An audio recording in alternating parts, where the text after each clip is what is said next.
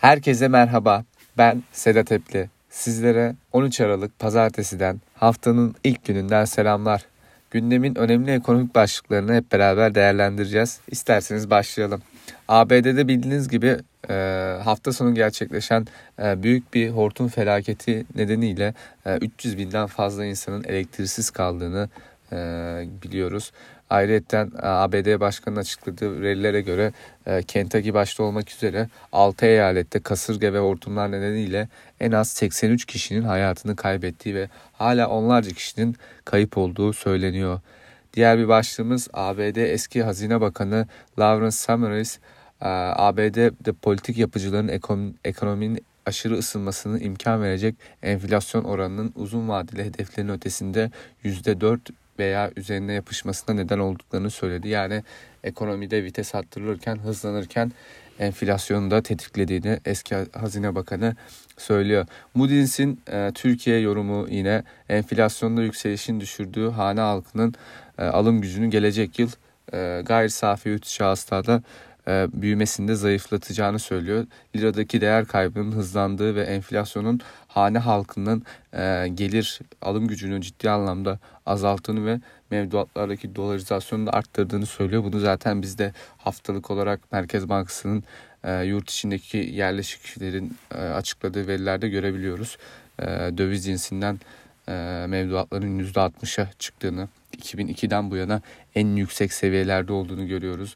Ayrıca e, Moody's e, bu değer kaybı nedeniyle e, kamunun e, %60 döviz borcu olduğu sebebiyle e, ciddi maliyet artacağı, e, devletin kamunun ciddi maliyetinin artacağını, ciddi ödemeler dengesinde sıkıntı yaşayabileceğini e, söylüyor. E, diğer başlığımız ise G7 e, İşleri Bakanları Rusya'ya yaptırım tehdidinde bulundu.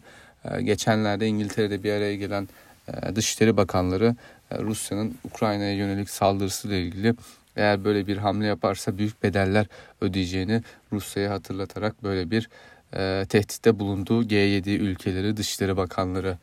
Diğer tarafta Uluslararası Kredi Derecelendirme Kurulu Stand and Poor's Türkiye'nin kredi notunu teyit ettiğini ve e, aşağı yönlü çektiğini söyledi. Döviz cinsinden kredi notunu B pozitiften e, BB eksiye negatife çevirdi. Diğer taraftan kredi notunu da durağından negatife çevirdi. Biliyorsunuz ki geçen hafta Moody's ve e, Fitch de yine durağından negatife çevirmişti e, kredi notunu.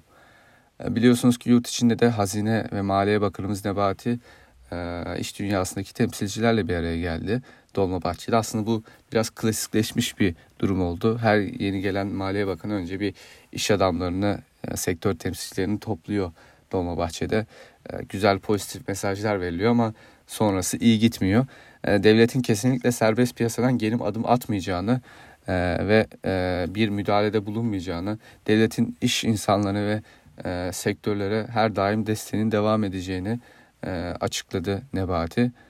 İş temsilcileri de, iş dünyasındaki temsilciler de toplantının verimli geçtiğini söyledi. Yurt içine bakarsak, yurt içinden e, cari denge açıklanacak saat 10'da. O veriyi bekleyeceğiz. Onun dışında e, mecliste bugün e, mecliste biliyorsunuz bütçe görüşmeleri devam ediyor. Kültür ve Turizm Bakanlığı ve Dışişleri Bakanlığı'nın bütçeleri görüşeceğiz. Görüşülecek. Diğer noktada ise yurt dışına baktığımızda OPEC'in aylık petrol piyasası raporu açıklanacak. Onu izleyeceğiz. Bu hafta ABD, AB ve Türkiye başta olmak üzere 20'den fazla Merkez Bankası faiz kararını açıklayacak. O yüzden ileriye yönelik 2022'ye yönelik para politikalarını ilgilendiren önemli bir hafta olduğunu ben düşünüyorum. Diğer tarafta BIST'in e, Cuma günü e, 2035 puanla kapattığını hatırlatıyorum. E, ve dolar TL kurunda an itibariyle 13.82'den işlem gördüğünü söylüyorum. Beni dinlediğiniz için çok teşekkür ediyorum. Kendinize iyi bakın. İyi haftalar diliyorum.